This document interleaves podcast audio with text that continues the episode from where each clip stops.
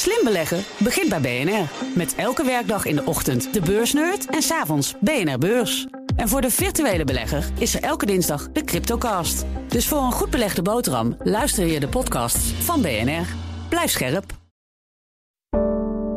Een goedemorgen van het FD. Ik ben Luc van den Berg en het is donderdag 9 maart.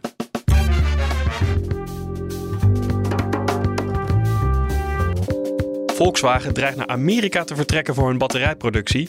En daarmee lijkt Europa opnieuw een slag te verliezen. Je zou kunnen zeggen dat we in een soort van wapenwedloop terecht zijn gekomen van uh, ja, subsidies voor bedrijven om die maar te lokken. Als ze maar groen produceren of in ieder geval een afslag maken in uh, richting de groene economie.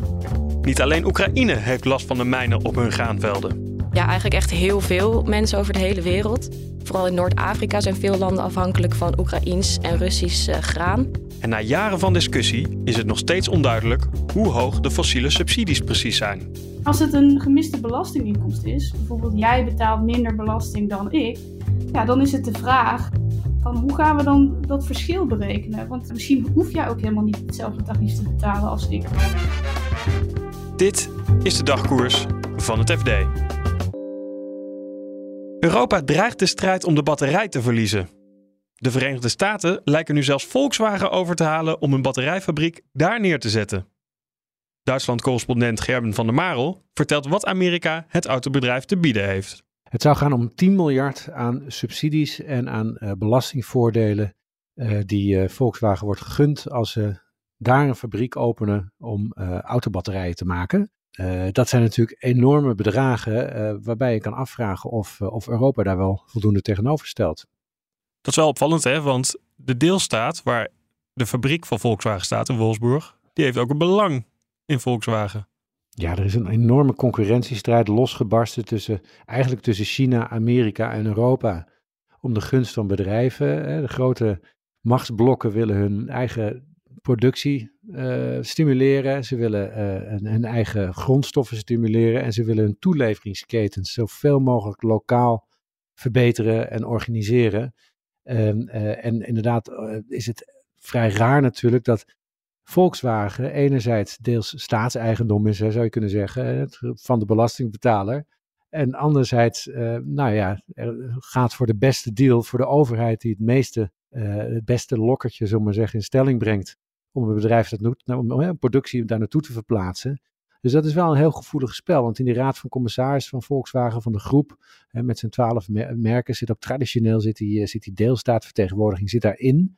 Uh, nou, ik kan me goed voorstellen dat, dat, dat die in een hele lastige spagaat staan als zo'n bedrijf moet kiezen tussen Amerika of Europa. Uh, Duitsland wil die banen natuurlijk ook dolgraag hebben. Uh, en als het klopt wat de Financial Times schrijft, dat nu een batterijfabriek toch naar Amerika gaat in plaats van in, in Europa blijft, is dat wel echt een hele pijnlijke, ja, pijnlijke ontwikkeling eigenlijk voor, voor Duitsland en Europa.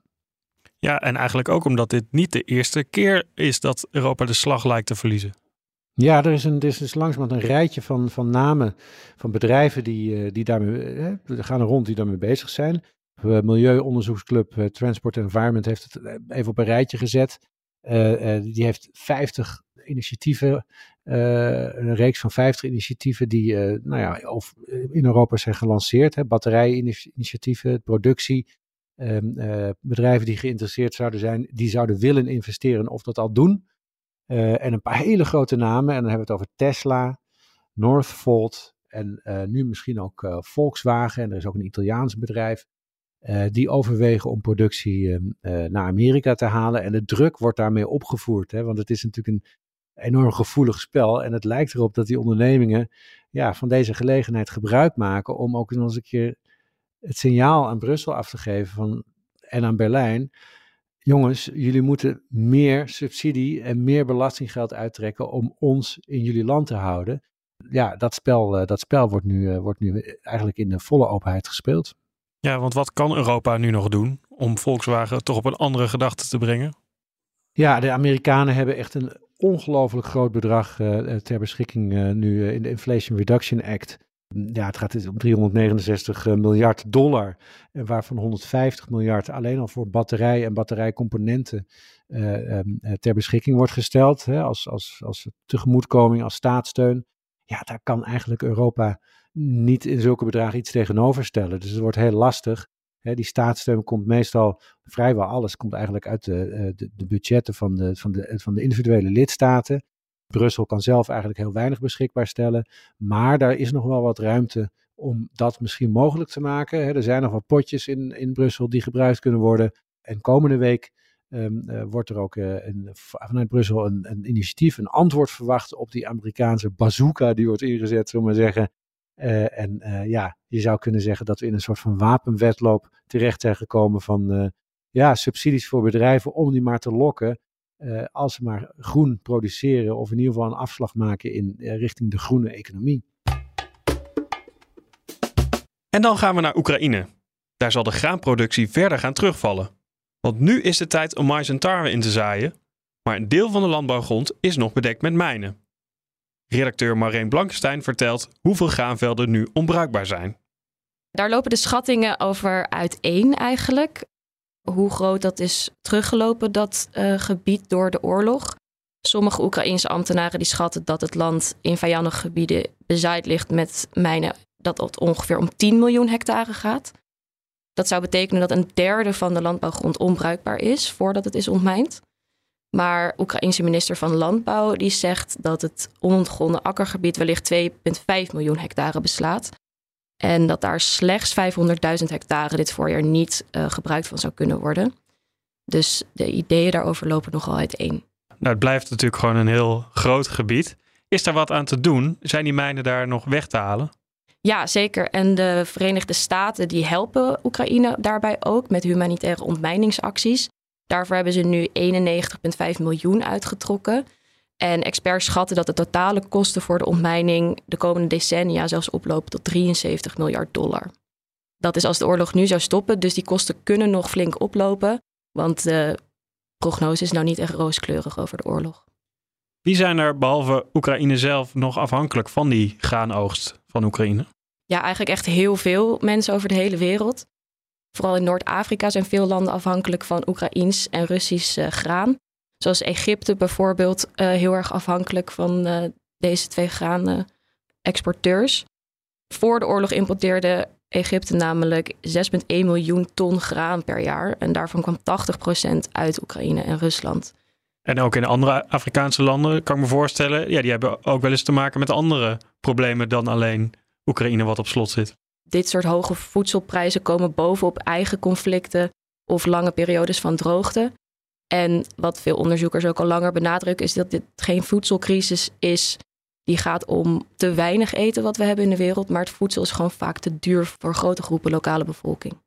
Nu heeft Oekraïne wel hun gaan gewoon de hele tijd kunnen blijven verkopen, ondanks die oorlog. Hoe lang blijft dat nog stand houden? Ja, er is nu nog een graandeal, die loopt 19 maart af. Gisteren was de secretaris-generaal van de Verenigde Naties in Kiev om die graandeal te bespreken, om de voortzetting daarvan te bespreken met president Volodymyr Zelensky. En daarvoor is het eigenlijk voor Rusland vooral van belang dat de mest- en voedselexporten niet meer worden belemmerd, want die zouden door de andere sancties van Europa en de Verenigde Staten worden gehinderd. En dat is voor Rusland van groot belang om een graandeal voor te zetten. En alleen dan kan het doorgaan. Dat is nog de vraag en daar lopen de gesprekken nu over.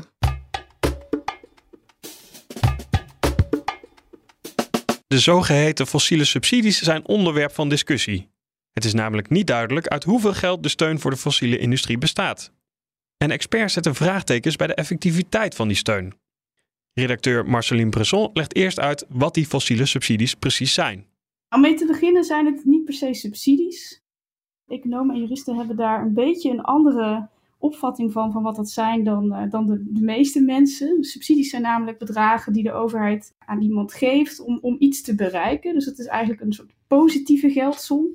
Terwijl het gaat hier om gemiste belastinginkomsten. Dus de overheid heeft besloten om verschillende belastingtarieven te heffen. En uh, voor de gebruikers van fossiele brandstoffen vallen die vaak laag uit ten opzichte van de hogere tarieven die ja, bijvoorbeeld huishoudens of kleinere bedrijven moeten betalen. Ja, en nou is er veel discussie over hoe hoog die subsidies, of die, dus die gemiste inkomsten zijn. Het kabinet zegt zelf geloof ik 4,5 miljard, maar klimaatactivisten spreken over 17,5 miljard. Hoe kan dat verschil zo groot zijn? Die 4,5 miljard, dat is een uh, getal wat uit de miljoenennota van 2020 komt, geloof ik. In ieder geval uit een, een, een berekening van EZK. En daarin zeiden ze eigenlijk ook wel van, nou, er zijn een heleboel posten die wij hierbij niet meenemen, omdat we geen inschatting kunnen maken van wat die gemiste belastinginkomsten zijn. Dat heeft er eigenlijk alles mee te maken dat als het een subsidie is, dan, dan weet de overheid van, nou, we geven 100 miljoen uit. Maar als het een gemiste belastinginkomst is, bijvoorbeeld jij betaalt minder belasting dan ik, ja, dan is het de vraag van hoe gaan we dan dat verschil berekenen? Want misschien hoef jij ook helemaal niet hetzelfde tarief te betalen als ik. Dus hoe gaan we daar dan een prijskaartje op plakken? En dat, omdat het hier over echt enorme hoeveelheden energie gaat, vallen die bedragen heel groot uit. Dus daardoor zie je dat wanneer je dat uh, wel gaat proberen te kwantificeren, wat uh, nou, meneer Mette gedaan heeft. En die heeft daar gewoon gezegd van ik ga gewoon, op de, ik ga gewoon met de openbare gegevens die ik heb en met bepaalde aannames daar een getal aan plakken. En dat is ook allemaal terug te vinden hoe hij dat gedaan heeft. Dan komt hij dus al, vrij snel uit op een enorm hoog bedrag. En dat is die 17,5 miljard waar uh, ook Extinction Rebellion mee schermt. En hoeveel nut hebben deze subsidies nou? Hoe je het ook precies berekent, het gaat wel echt om, uh, om heel veel geld die bedrijven die betalen minder in ieder geval dan de meeste mensen. En bijvoorbeeld het Planbureau voor de Leefomgeving heeft eerder ook al gezegd van nou, dit is eigenlijk, um, ja, eigenlijk zijn die subsidies ondoelmatig. Want het, het kabinet heeft bepaalde klimaatdoelen gesteld. En deze subsidies die, die dragen er in ieder geval niet aan bij dat we die gaan, uh, gaan halen. Maar ja, goed, de reden om die subsidies ooit in te stellen was om het vestigingsklimaat in Nederland aantrekkelijker te maken. Dus als je het vanuit met die bril bekijkt, zou je nog wel kunnen zeggen van ja, maar goed, de, die subsidies die uh, dragen er in ieder geval aan bij dat die bedrijven hier willen blijven. En ja, in die zin zou je kunnen zeggen van nou, misschien, misschien is het dan toch nuttig om die subsidies te hebben. Maar er zijn ook uh, wel redelijk veel economische onderzoekers die zeggen van ja, maar ja, het is ook maar de vraag of dat waar is. Want bedrijven, ja, die, die moeten ergens zijn in Nederland is ook om heel veel andere redenen aantrekkelijk om die te vestigen. Er is veel kritiek op deze subsidie. Wat gaat er nu mee gebeuren? Dat is, uh, dat is de vraag natuurlijk. Minister Jette heeft al toegezegd het ook te willen afbouwen. Hij heeft zelfs eerder ook, toen hij nog Kamerlid was, daar een motie over ingediend. Maar heel concreet uh, wordt, het, wordt de overheid nog niet. Vanaf 2025 zouden er nieuwe maatregelen afgebouwd worden. En vorig jaar zijn er ook al een aantal maatregelen nou ja, die, dus tot in de honderden miljoenen lopen, maar niet in de miljarden. Die zijn ook afgeschaft. Maar ja, het is, het is de vraag of dat uh, snel genoeg gaat. En wat er hier natuurlijk eigenlijk onder ligt, is ook um, een visie van het kabinet over de rol van de industrie en de toekomst van de industrie in Nederland.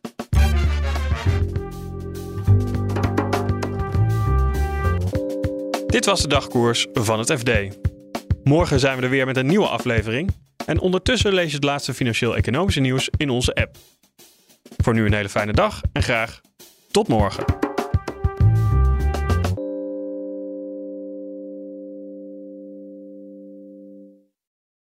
BNR Headlines. De hele dag binnen- en buitenlandse politiek. In Nederland hebben we geen munitiefabrieken. De hele dag economie. Vijf dagen in de week bezorgen, dat kan niet uit. De hele dag technologie. Amerikanen weer op de maan. Heb je eigenlijk geen tijd, maar wil je toch op de hoogte blijven? BNR Headlines. Het laatste nieuws, maar dan in het kort. Ga naar je podcast-app en abonneer je op BNR Headlines.